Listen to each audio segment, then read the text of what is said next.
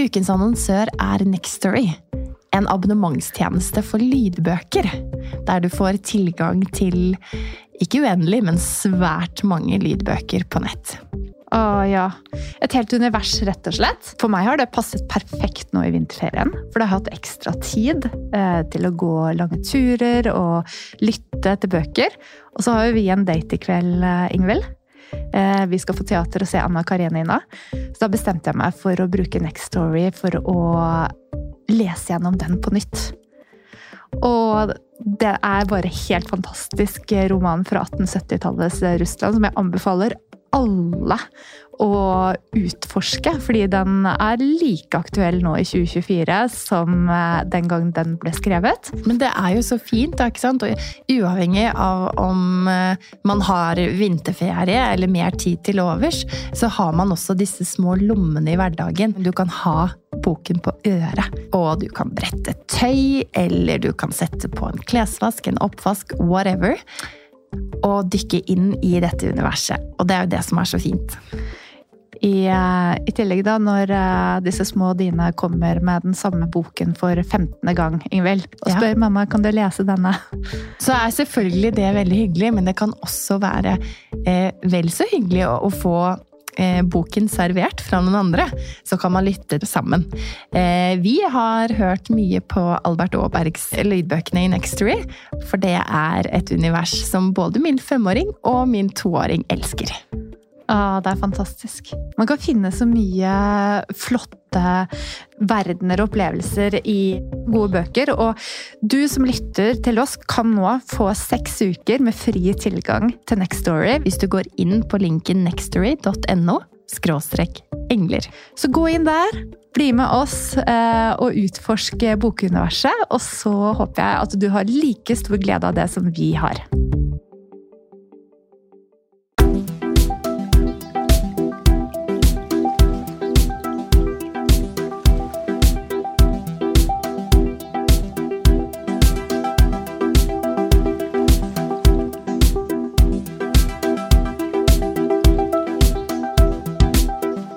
Velkommen til Engler og hormoner. Inspirasjon og ny kunnskap om helse, selvutvikling og livsstil.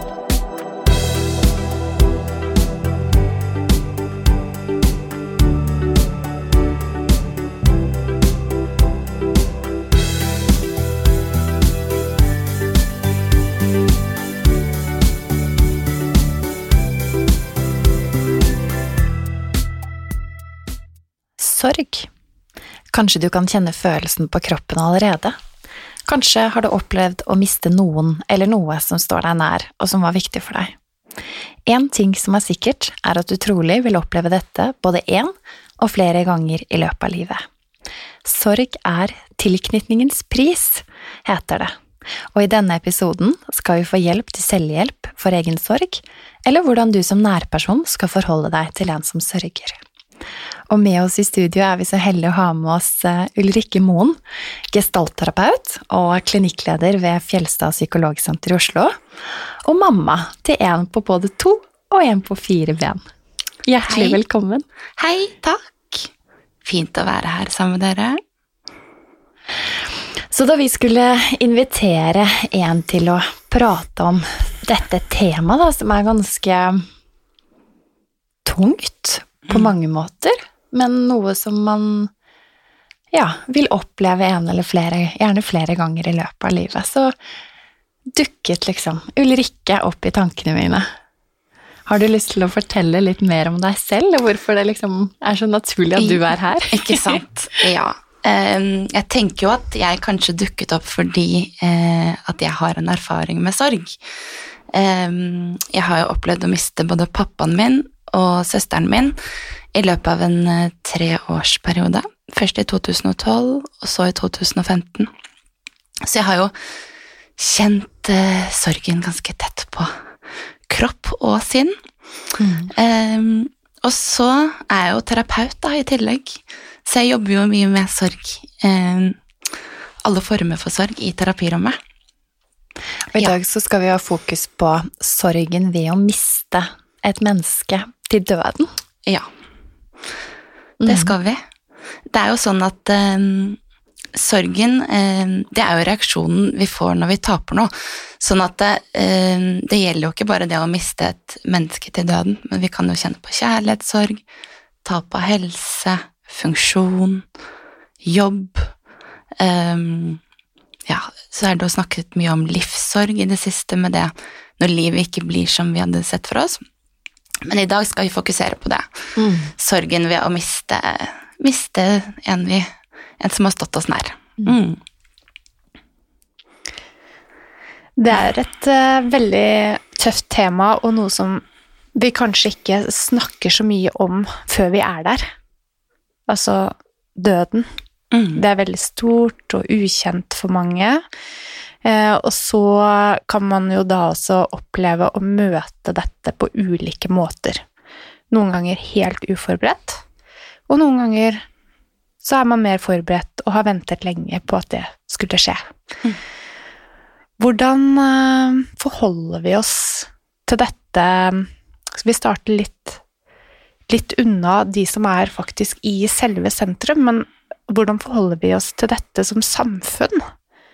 Hva, hvor er vi kulturelt når det gjelder dette å kunne snakke sammen om sorg og død? Jeg tenker at, um, at, uh, at vi kanskje ikke er så veldig gode der. At vi, at vi ikke snakker så mye om uh, Vi snakker mye om fødsel, hvis vi tenker på liksom eksistensielle temaer, men vi snakker ikke så veldig mye om død.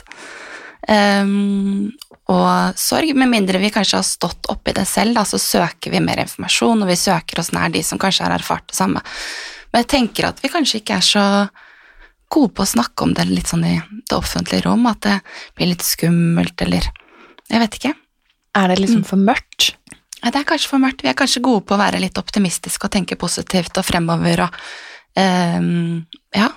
Jeg har lyst til å sitere min mormor, som, som, eh, som alltid sa på sørlandsdialekt er det én ting som er sikkert her i livet, så er det at vi alle skal gå samme vei, enten vi er fattige eller rik. Ja, men det er jo det, ikke sant? Ja. Det er noe vi alle kommer til å Vi skal alle dø, Mm. og vi kommer alle til å oppleve at noen som står rundt oss, dør. Ja. Sånn er det. Så derfor er det jo så fint at vi har deg her og kan prate litt mer om det, som kan være ganske vanskelig. Ja. Og så er det fint at vi kan le litt òg. Ja, ikke sant? Ja. For det går jo gjerne litt hånd i hånd, både Ja. døden og livet i seg Ja. selv, og latter og Det gjør jo det. Mm. Vi skal jo teoretisere litt rundt de ulike prosessene vi går igjennom, men det er jo litt fascinerende at vi sitter her og snakker om en hendelse der vi kanskje faktisk ikke helt sikkert kan forstå hva som skjer. Mm. Det Ja. ukjente i det. Ja. Er det også et element som gjør noe med oss? ja. Tenker du nå på i selve i døden, eller hva Ja. som skjer etterpå? Ja, det tenker jeg. Vi har jo for, veldig mm, eh, Ikke sant, det tenker vi jo så forskjellig om. mm. altså det, i forhold til religion eller livssyn. Um, så det også kanskje er litt sånn ullent, ikke sant? Um, mm, Men kulturelt sett så har vi jo kanskje gjennom nettopp det med livssyn og religion hatt Mm. Eller har noen ritualer og mekanismer for å ja, være i sorgprosessen, da. mm, Uh, og at vi ja, er, uh, går igjennom et sett med ritualer som begravelse, eksempel. Og, Ja. Men på den mer faglige siden, da, hvis vi skal løfte oss fra det, hva er da egentlig disse prosessene vi går igjennom i forhold til sorg? Kan du komme litt inn på det? um, hvis vi skal snakke om eh, fag og teori, så snakker vi om um, sorgfasene, da. Mhm. Ja. Så det, så det jo, er jo en, liksom en modell som har fått litt eh, kritikk, kanskje, fordi den kan oppleves litt rigid. Når vi snakker om faser, så kan man tenke at vi liksom skal gjennom noen visse stadier, eller at vi kanskje ikke gjør det riktig hvis vi ikke gjør det. Um, men, eh, men allikevel så tenker jeg at mange kanskje kan kjenne seg litt igjen i det. Um, og at vi kan se Det er jo, eh, det er jo nettopp fordi man har sett kanskje eh, noen mønster, da. Ikke sant? At det har blitt laget en sånn, en sånn modell. Men da snakker vi om fire faser, og da snakker vi først om sjokkfasen. Så det er jo det du står i rett etter du opplever dødsfallet. Det, det varer kanskje ikke så lenge, kanskje noen dager opp til en uke. Um, Er det noen kompliserende faktorer her? For jeg tenker sånn, ja. Har du liksom ventet på at bestemor på 90 skal dø, Mm, ja. så er det Ikke kanskje sant? ikke det store sjokket. Det er ikke sjokket. like stort. Mm. Eh, Så ved, ved brå dødsfall så er det klart at da vil jo den da vil du jo kjenne mer på det, ikke sant? som ved ulykker eller selvmord, eller altså uforventet død, hjerteinfarkter, ikke sant? Brå død. Så tenker jeg at eh, det sjokket vil bli større, Mm. selvfølgelig. Um, og da kommer vi jo litt inn på ventesorg, ikke sant? Det er nå vil vi ha tid på å forberede oss, det er jo på en måte motsetningen, da. Men men, eh, men det er en, en fase som er preget av at vi prøver å liksom forstå det, prøver å skjønne og fatte hva er det egentlig som har skjedd nå. Eh, og mange kan jo kanskje oppleve at de blir fryktelig sånn eh, utmattet. At eh, det blir veldig sånn numne, eller Ja, det, det vil nok også være litt individuelt, da. Men um, Hvordan var det for deg, hvis jeg kan spørre om det? ja, uh, nettopp kanskje derfor jeg tok det litt opp. Jeg tror jeg var um, Jeg fikk jo eh, med begge to tid til å forberede meg, så det var jo ikke det største sjokket når de døde.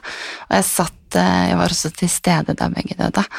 Sånn at eh, det er jo en sånn prosess som at til slutt så kommer du kanskje til et punkt hvor du tenker at eh, nå er det godt at de får slippe. Ja. Sånn at da er det jo mer Ja, da får du forberedt deg litt grann mer, selv om, selv om jeg tenker at det kan være et sjokk i det der å virkelig innse at nå er personen borte for meg. Ikke sant? Nå er, nå er den død. Mm. Ja, så mm, Men jeg, jeg husker at jeg ble eh, ja, veldig sånn utmattet rett etterpå. Mm. Fryktelig sliten og nesten ja, litt sånn nummen eller um, At man nesten kan bedøve seg selv litt, liksom, fordi smerten kanskje er så forferdelig Eller du er ikke klar for å ta inn alt på en gang. Ja. Mm. Um, så er det jo litt sånn om det Så kommer kanskje sjokket litt sånn i, i bølger også, eller sjokk, hva skal jeg si, den der å prøve å forstå, da, som den fasen også er preget av. Prøve å skjønne hva det er som har skjedd. Mm. Ja. Hva legger du i det, du som er terapeut, det å prøve å forstå hva som har skjedd? Um, det er jo en hendelse, selvfølgelig, men det å ta det virkelig inn over seg og integrere det på en måte som er sunn, har du noen gode råd der til lytterne våre? Altså, hva kan man hva kan man gjøre som egen person som opplever sorg, eller som nærperson, da, for å støtte den som ja. Sørger? Jeg tenker sånn helt i den i starten, hvis vi er i den Hvis vi snakker om den modellen og den første fasen, Ja. så tenker jeg at eh, her må vi bare Det er en så kort periode, og det, det er liksom en del av det for å kunne, kunne forstå, kanskje, at du er litt i det sjokket. Og jeg tenker at vi skal også stole litt på prosessene. Eh, at eh, at eh, jeg tror ganske naturlig for veldig veldig mange som går gjennom en sunn sorgprosess, så går det litt av seg selv, at vi går videre på et vis. Men, men eh, det vesentlige, altså neste fase, så snakker vi om reaksjonsfasen. Det er jo når alle følelsene kommer. Når vi begynner å prøve å forstå hva det er som har skjedd. Um, og da, eh, da tenker jeg det er viktig å tillate å gi rom for alle de følelsene, da. Ja. Og det kan jo være litt krevende å stå i også som en person Ja. utenfor. Ja. Det å klare å ja. ja, stå i det at en som står deg nær, har det helt forferdelig og liksom har mistet liksom ja, kanskje det, den personen som står en aller nærest. ja. Det kan være veldig krevende. Det kan det, og um, jeg tror mange også kanskje fjerner seg litt for å ivareta seg selv av de som står rundt. Eh, Så det er jo vondt Det er jo fryktelig vondt å se at noen vi er glad i og bryr oss om, har det vondt. Ikke sant? Sånn eh, Jeg tenker at det er noe å være bevisst på også som, som pårørende, eller som det støtteapparatet som står rundt. Da. Ikke sant? Kanskje vi kan dele litt på det. Men, men jeg tenker jo at det er viktig å være der. Ja. Bare Og gjøre de eh, ja. Vi snakket litt eh, før mikrofonen ble skrudd på også, om det å skulle gå på butikken, det å skulle betale regninger, det å skulle ta ut av oppvaskmaskinen, vaske huset, støvsuge. ja. At det blir sånne ting som som kjennes så krevende, og noe som man rett og slett ikke har ork eller energi til å gjøre. Ja. Og det er jo kanskje noe som man som pårørende til en som sørger, da, eh, kan ta til seg. Absolutt. Eh, praktiske oppgaver er superstøtte, tenker jeg. For det er eh, Det blir veldig vanskelig når vi har det veldig, veldig tøft. For sorgarbeid, det er veldig tøft. Det er veldig krevende. Det gjør oss Det, det slår oss ut. Vi blir utmattet, og vi orker ikke nødvendigvis. For noen kan det jo være godt òg. Det er jo dette her for at alt er så individuelt når det gjelder sorgarbeid. Men men tilby praktisk støtte. Kjempefint. Absolutt en måte å mm, vise at du er der på.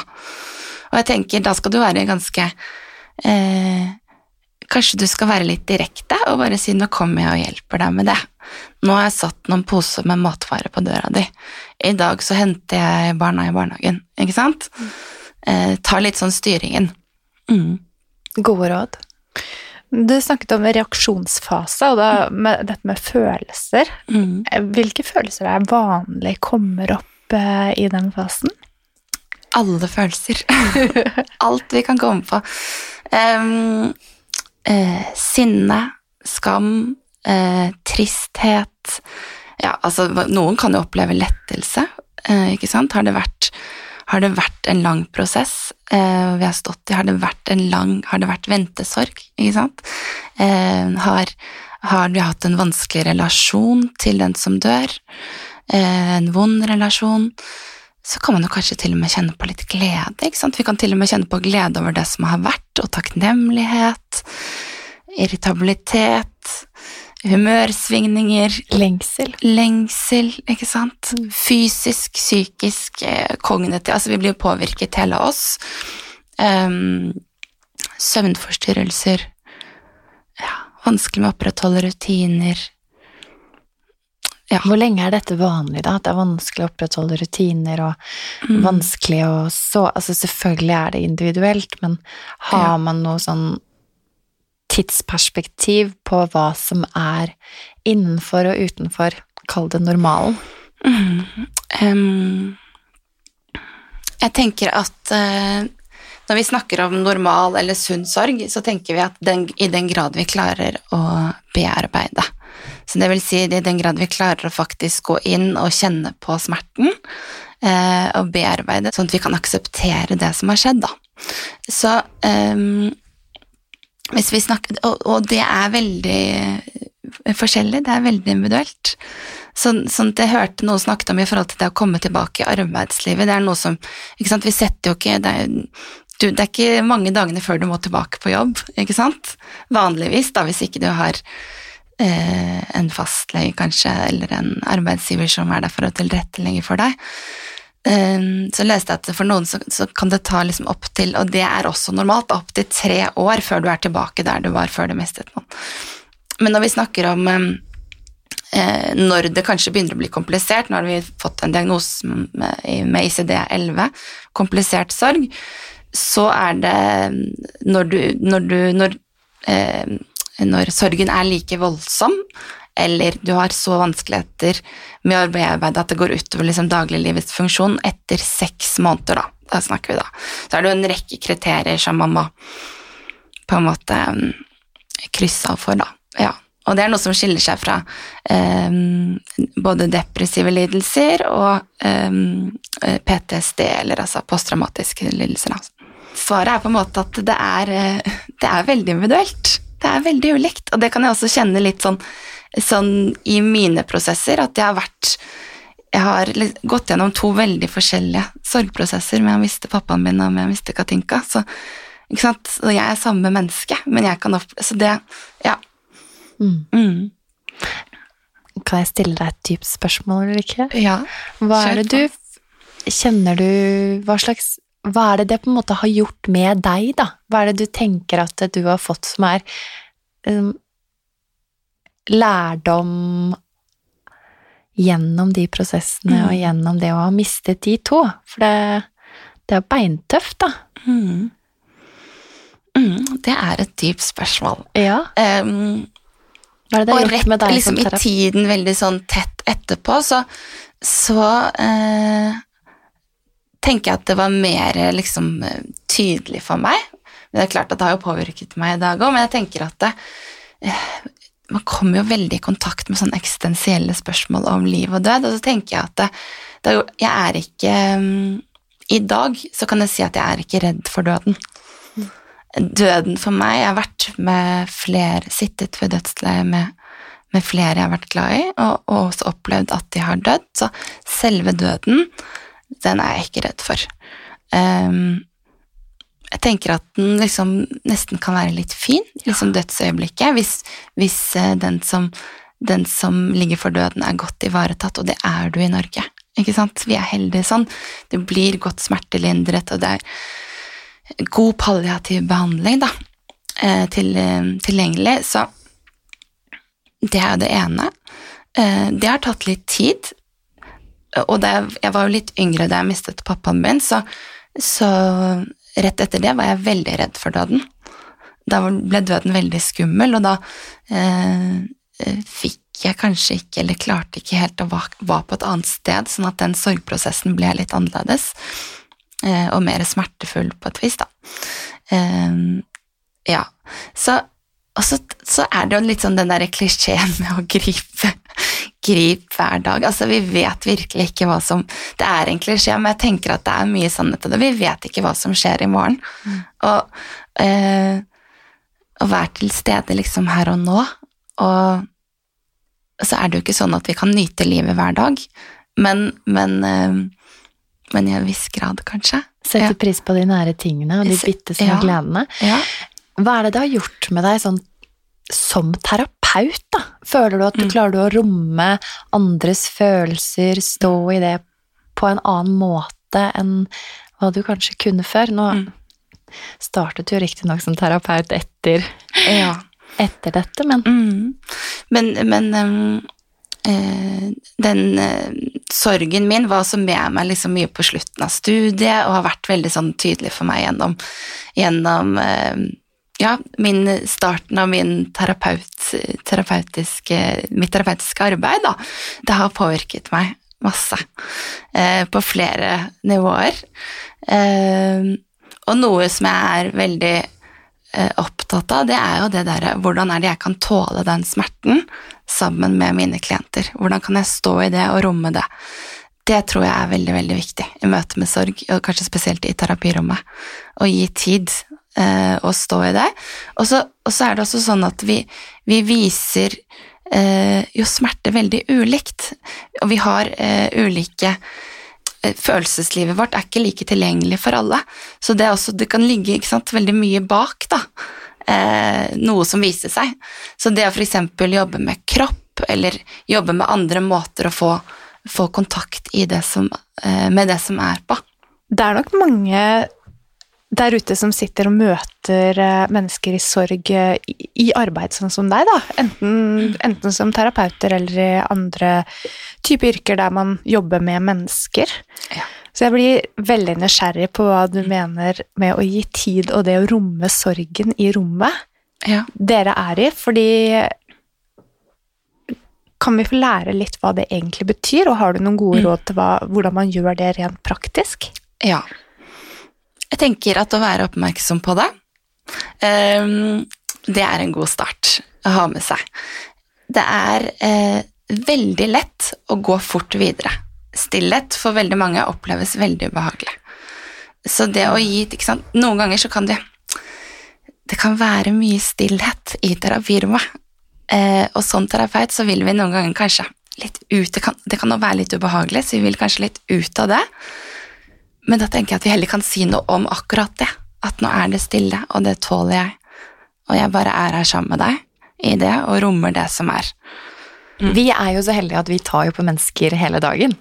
Eh, og i det også å kunne gi en fysisk støtte, og holde og behandle, gi rom Også der, da. Rent fysisk, kroppslig. Kjempefint at du sier det. Og jeg tenker, når du sier å holde, det å bli holdt, det tenker jeg er så eh, viktig, og det kan vi gjøre på mange ulike måter. Det å holde noen. Eh, både ved å ta på, kanskje bygge opp rent fysisk, legge på tepper.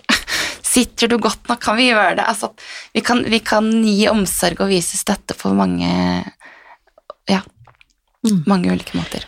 Men det har jeg hørt nå i koronatiden, at de som har opplevd å miste noen nære, eh, og så at man har en begravelse der man ikke har fysisk kontakt, eh, hvordan det ja, føles Mm. annerledes. På en kanskje uventet negativ måte. Ja. Så der er det jo et behov kanskje for en, et nytt språk, eller med måter å holde hverandre på, da. I Mm. møte med distanse. Altså fysisk distanse Ja. på grunn av tiden vi er i. Jeg tenker jeg vi blir litt utfordret, rett og Mm. slett. Og kanskje vi blir litt utfordret til å tørre å bruke mer ord også. Um, Mm. For en klem kan jo eh, måte- Den står jo for så mange ord. Ja, den gjør det. ja. Ja. Eh, og det, det tenker jeg må være kjempetøft. Å ikke kunne klemme og ikke kunne ta på hverandre. Mm. Ja. Og til å begynne med ikke kunne være kanskje til stede en gang, liksom, Ja. i selve Hvis man har, Mm. i utgangspunktet vanligvis kunne ha fulgt personen inn i døden. ja. Det er veldig, veldig vondt. Mm. Og da er jo den støtten så viktig. Nå har vi da vært innom også reaksjonsfasen. Hvilke flere faser er det som eh, Mm. vi har som en sånn skjematisk oversikt? Ja. Mm. Litt tilbake til det. Den tredje fasen den kalles for bearbeidelsesfasen. Um, og det er når sorgen blir eh, på en måte satt litt i perspektiv, og vi begynner, det begynner virkelig liksom å gå inn opp eh, for oss hva er det som har skjedd. Vi begynner så smått å godta det. Um, ja, og det er tid for å bearbeide, da. Den, den eh, reaksjonsfasen med alle følelsene er jo liksom, de glir jo litt over i hverandre. Eh, og alle disse fasene som jeg sa til å starte med, altså de vi hopper frem og tilbake. Kanskje ikke alle er gjennom alle, men, men akkurat bearbeidelsesfasen vet vi jo at det er helt sånn vesentlig for at vi eh, skal komme oss gjennom sorgen, da. Mm. For man kommer seg jo gjennom sorgen på den Man- andre siden av den, Det gjør jo det. Det gjør jo det. og der kommer du inn. Kanskje? Kanskje. I bearbeidingen. Ja. Mm. ja. Med sorgstøtte. Det tenker jeg òg. At det er kanskje ofte der at jeg kommer inn. Og gjerne kanskje eh, en stund etterpå også. At det har gått litt tid. Men, eh, men ja. Vi kommer oss som regel gjennom sorgen. Mhm. Hvor lenge kan vi forvente at det varer, da? Hva er normalt, og når begynner det å bli usunt? Ehm, det er også veldig individuelt. Så jeg har ikke noe sånn godt svar på deg hva vi kan forvente. For du kan ha en sunn sorgprosess som tar tid, og du kan ha en sunn sorgprosess som ikke tar så lang tid. Mm. men, eh, men eh, når det har gått hvis vi skal snakke diagnose og komplisert sorg, hvis det har gått seks måneder og du har utfordringer eller ikke klarer, ikke bare litt utfordringer, det skal være ganske alvorlig, eh, og du ikke får bearbeidet, eh, eh, og, eh, og på en måte det går utover din funksjon, du kan ikke være på jobb, det går utover relasjonene dine, eh, så kan du vurderes opp mot en sånn diagnose. Mm. Det er ikke noe jeg eh, Da, da er du hos spesialister innen Mm. dette. Ja. Nei, jeg tenker jeg får lyst til å bare si at eh, sorg er ikke sykdom, ikke sant? Mm. Sorg er normalt, og de aller fleste eh, kommer seg veldig fint gjennom sorgen sin, selv om vi reagerer helt forskjellig. Mm. Så, så ja. Og når man sier at man kommer fint gjennom sorgen, så er jo ikke det fordi at det er enkelt. Nei. Nei. Så kanskje litt dårlig ordvalg der, men, men eh, kommer seg gjennom det, da. Ja. Ja, jo, Ja. absolutt. Ja. Og det er så fint å høre fra en som jobber med det, og en som har vært igjennom det selv. Eh, for det tror jeg Når man er der, så, så oppleves det kanskje ikke helt sånn. Nei, Nei, når man står midt i det er jo ikke det. disse fasene. Nei. Uh, mm. Mm. Og så kan vi liksom, jeg kan jo ta meg og tenke hva hadde jeg gjort i dag eh, hvis jeg hadde mistet den og den? De tankene kommer jo. Mhm. Eh, så er det så rart med det, for det at det er jo det som er litt sånn skjørt og vondt med livet. At vi, det, går, vi, det går jo som regel ganske Altså, vi kommer oss gjennom det. Savnet er Og tapet er til å ta og føle på. Det er det også i perioder etterpå, ikke sant? Men vi, vi overlever det. Og så kan vi gå inn og tenke på det, og så tenker vi det kommer jeg aldri til å overleve. Det er så vondt at det kommer ikke til å gå. Um, Men selv liksom ved de største største traumatiske hendelsene, å miste et barn eller miste noen brått, eller så kommer man seg gjennom det. Man overlever det. du overlever det. Ja. Mm. Og, det, og livet kan også få fine sider igjen. Mm. Ja. Hva slags råd har du til selvhjelp, da? ja. Er det noen mentale verktøy eller noen fysiske oppgaver som kan være fint for i bearbeidelsesfasen Mm. av sorgen? Ja. Uh, igjen, det vil være litt individuelt hva vi har tilgjengelig, ikke sant? Men, men jeg tenker at for mange så uh, så kan kreative uttrykk være fint. Eh, det å lytte til musikk, hvis du har lyst til å komme litt mer i kontakt med følelsene, det har hjulpet meg veldig i hvert fall. Å være i øyeblikk hvor jeg kjenner at nå trenger jeg å få Katinka, da, som søsteren min het, eller pappa litt ekstra nær. Nå trenger jeg å kjenne litt på de følelsene. Og det kan, sånn kan det jo være fortsatt, selv om det er liksom fem og eh, åtte år siden jeg har mistet. Eh, så musikk Noen kan jo eh, få god hjelp av å skrive ned sorgen sin. Skrive ned det de tenker på, det de føler på. Ja, alt som dukker opp. Mm. Jeg har vært veldig usikker på om eh, jeg skulle liksom dele min, hvor mye erfaring jeg selv har med døden. Ja. Men når jeg tenker tilbake, så har jeg jo mistet mange Ja, gjennom mange år. ja. På ulike vis.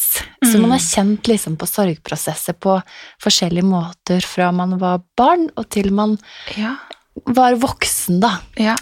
Eh, og det å skrive, Mm. det er jo så terapeutisk. Veldig. Og for meg så var det å, å skrive dikt Ja. var helt fantastisk. Å kunne se på en måte følelsene mine litt på avstand. Ja. Ja. Så, så fikk jeg de litt sånn ut av hodet mitt, på en måte. Mm. Og så kan jeg ta de fram igjen, disse diktene som jeg skrev, kanskje liksom når avgrunnen liksom åpna seg helt, da. Og så kan jeg kjenne på det igjen, og så syns jeg at det er litt fint også. Fint, Ingvild. Ja. Og, og ja, så fint at du fant det å kunne gjøre det på den måten. Mm. Jeg har hatt kjempeglede av å lese dikt, og, og også søkt etter det. Så, så jeg tenker at det gir veldig mening. Ja. Ja. Og musikken. musikken. Um, og så um, vet vi jo at det å snakke om det uh, er jo viktig for å bearbeide. Og det tenker vi også Der er vi jo også litt uh, ulike for hvor hvor vant vi er med å snakke om det. Vi har noen rundt oss som oppsøker oss og vil snakke om det, eller ja. Så, så der kommer jo også kanskje terapien inn for mange. Så vi har musikk, vi har det å skrive ned ting, få litt avstand til ting, kanskje trening kan være positivt, og Ja. liksom få løpt fra seg litt øh, følelser. Um, se på fine bilder, eller whatever. Ja. Men inne på terapirommet Ja. så lurer jeg litt på om jeg kan bli bedre kjent med deg som uh, gestaltterapeut. Ja. Um, for sånn som jeg har forstått det, så er jo eh, gestaltterapien opptatt av eh, det mentale og hvordan det eh, setter liksom Preger kroppen vår, da, Mm. og kommer til uttrykk der. Ja. Mhm. Noen ganger så blir det riktig og viktig å ta tak i kropp. Andre ganger så er det ikke det som blir viktig. Eh, det kommer veldig an på denne klienten som sitter overfor meg. Noen bruker mye ord, er god på å sette ord på opplevelsene sine. Og da kan, vi også, da kan jeg kanskje bli opptatt av at her trenger vi kanskje å kontakte kroppen litt. Hvordan er det dette egentlig kjennes ut for deg? Eh, og andre de bruker ikke så mye ord, eh, og da kan kroppen være en sånn vei inn til følelsene, da.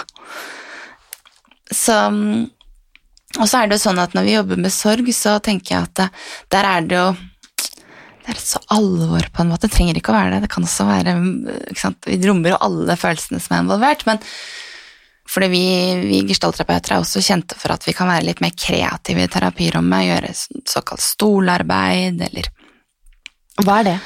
Det er når vi, når vi enten jobber med poler inni oss selv, altså to sider av oss selv, um, for å tydeliggjøre noe. Kanskje vi er veldig opptatt av én ting, si, eh, så, så, kan vi tydeliggjøre den andre polen ved å få de til å snakke med hverandre. Og da gjør vi det helt rent fysisk ved å sitte i én side av oss.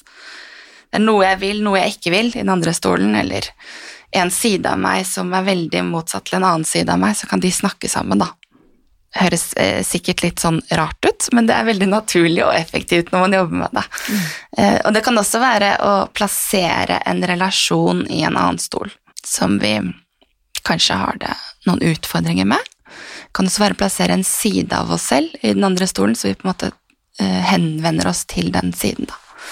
Ja, så Sånne ting gjør jeg ikke så veldig mye når jeg jobber med sorg. I forbindelse med dødsfall så er det jo noen som uh, sitter igjen med kanskje en konflikt som ikke er løst, eller at du faktisk har noe som, som, du aldri får helt svar på fra denne personen som har blitt borte. Og det du forteller meg nå, det minner meg om en meditasjon eh, vi har i kundalini-yoga, der du skal bearbeide et problem, der du skal se det fra begge sider og finne løsning før man oppsummerer og slipper løs, altså eh, frustrasjon, da, eller hva man velger å kalle det. For vi, vi kan jo av og til bli litt låst i vårt eget syn på mm. verden. Og, ja. Så det gir jo mening. Ja. Eh, og det Det behøver jo ikke å være alltid så enkelt å løfte blikket og se andre sin uh, og så har vi jo mm, gjerne ja. eh, mye konflikter i våre egne følelser eller tanker også. Ja. Mm, hvordan disse følelsene, tankene som bare kjører på gjerne når man er i en sorgprosess, da. Kanskje man kjenner på en skyldfølelse, og hva det over tid Hvis du driver og har den kverna gående, da. Ja. Liksom hva, alt hva det gjør med livskvalitet, ja. Med egen, følelse av egenverd og selvfølelse ja. og Ja, og da kan det jo bli viktig å løfte frem det, og møte den litt, ikke sant? Det, og det er også noe som vi kan plassere et sted, i en stol, ja. og, og, møte. Mm. I deg selv, for det er jo tenker Det er kanskje det som er så effektivt for å jobbe sånn, for du bruker jo inni deg. Eh, det ga veldig mening det du sa, Mona, med å, med å jeg fikk litt sånne ideer om at ja, det er klart vi kan, kanskje det kan bli viktig også å jobbe sånn. jeg kan sende deg den meditasjonen. Ja, ja, gjerne. ja. Men uh, noen går jo også i sorggrupper ja. for å bearbeide sammen med andre som har vært i samme situasjon. Har du noen erfaring rundt dette, Ulrikke? Hvordan det er? Er det noen forskjell på å velge det å gå i gruppe fremfor å gå mm. til terapeut, eksempel? Ja, det er det jo. Mm. Eh, jeg har gått i sorggruppe selv. Hadde eh, en utrolig fin erfaring med det.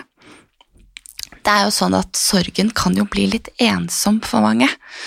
Eh, så å være sammen med andre som er i eh, samme situasjon, men ikke i din situasjon For jeg tror at også mange kan kjenne på liksom, ensomhet innad i familier. Veldig godt poeng. Ja, mm.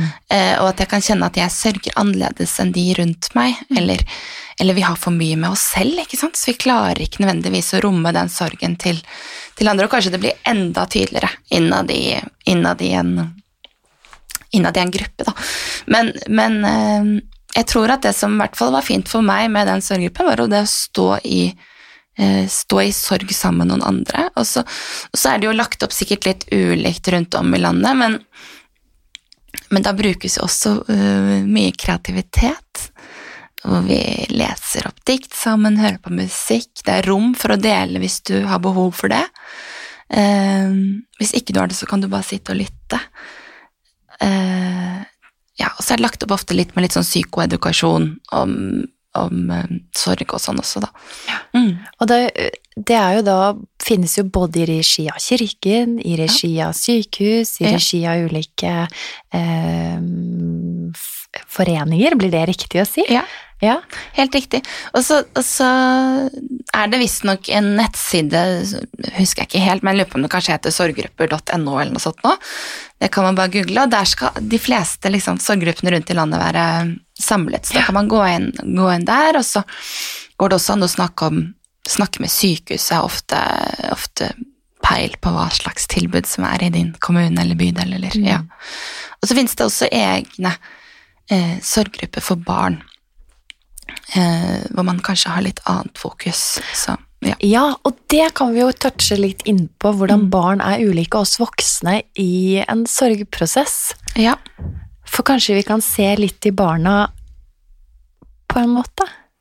At vi kan se litt i barna. Ja, ved at de så fint klarer å gli naturlig inn og ut av det, og at det som kjennetegner en, Ja. en, eh, en eh, sorgbearbeidelse som voksen, det er når du selv klarer liksom å gå litt inn og litt ut av det. Ja. Mm.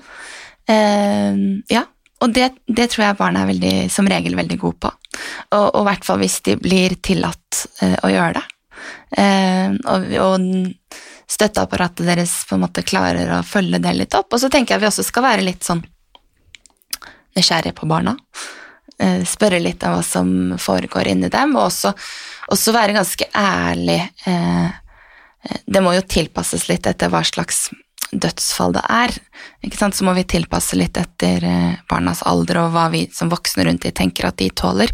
Men ved, ved normale for å si det sånn, dødsfall så skal vi være ærlige med barna, for de har eh, også mye fantasi og kan lage seg liksom historier hvis ikke de blir fortalt kanskje ganske konkret hva som har skjedd. Så lager de, skaper de seg mening, sånn som vi alle gjør. Eh, og da kan det jo bli litt problematisk, ja. Mm. Det med ordbruk rundt dødsfall Ja, Ja, altså mm, sovnet inn og Ja, sånt. ja. ja det, Gikk ut av det er mye som sies. Ja. Ja. Så ehm, hvis det er et eh, normalt dødsfall, så skal vi være så ærlige som at eh, Eller direkte, da. Sånn at vi sier at eh, nå har eh, hjertet til bestemor sluttet å slå. Mm. Da er det sånn at vi ikke får puste lenger, og da dør vi. Eh, og så kan vi også si litt om hva som skjer når vi blir begravd, at noen blir, eh, noen blir kremert, noen blir ikke det. Da blir vi til aske, eller ikke. Eh, og hvis barna lurer på hva, sant, hvor blir det av kroppen, eller hvor blir det av hvor er bestemor, så, kan vi også si at vi ikke vet. Ikke sant? Noen tror det, noen tror på Gud, noen tror ikke på det. Dette tror jeg. Men, men eh, være ganske sånn åpne i oss selv da, i møte med barna, Mm. tror jeg er lurt. Hva med støttende ord, da? I forhold Mm. til pårørende. Det er eh, Ja. Har det bedre nå. Ja, Ja. eh, Når vi legger litt sånn opp Hadde et rikt svaret. liv. Ja. ja. Den Ja. Eh, det, det går litt sånn begge veier. Jeg kan kjenne igjen eh, fra mine egne prosesser at jeg For du kommer jo i situasjoner hvor du møter på eh, folk. Ja. um, og da kan det eh, kanskje være godt å ha en litt sånn standardfrase. For du kan ikke gå inn i sorgen hele tiden. Kondolerer. Ja. Eller for å, for å beskytte deg selv, tenker jeg på når eh, Ja. sant, i meg i møte med, i meg i min sorg i møte med noen andre der ute. Ja. Men jeg eh, har også blitt oppmerksom på at jeg og det tenker jeg bare er fint å være oppmerksom på, men at jeg begynner, man begynner kanskje litt å trøste de rundt seg. For du skal liksom ta bort at du, du er redd for å legge for mye på de, så man er ikke helt ærlig og direkte. Eh, sånn at de kan si liksom jo da, nei, vi står jo i da, vi har en stor familie da, ikke sant, og det gikk jo fort og fikk jo god, ikke sant, vi begynner sånn for at vi skal, og det tenker jeg er litt eh, fint å være oppmerksom på, også på den som tar imot. Eh, og, og den tenker jeg, ja, den går litt sånn begge veier også, kanskje, men, men, men eh, vi skal ikke alltid forvente at noen vil åpne seg for oss, Mm. eh, og vi trenger ikke alltid å åpne oss for alle. Det gjelder nok så mye her i livet. Ja, Og så er det så fint å vite at vi har eh, mennesker som deg med kompetanse rundt sorg, som, som er der eh, hvis man velger å søke hjelp, eller som våre lyttere også kanskje kan konsultere ved spørsmål om er dette et sorgarbeid som jeg trenger hjelp til? Ja. Eh, er jeg der nå at jeg trenger terapi for å komme meg videre? Ja. Mm. Tusen hjertelig takk for at du tok deg tiden. Tusen takk for meg. Det har vært veldig fint å være sammen med dere. Tusen takk. Ha det godt.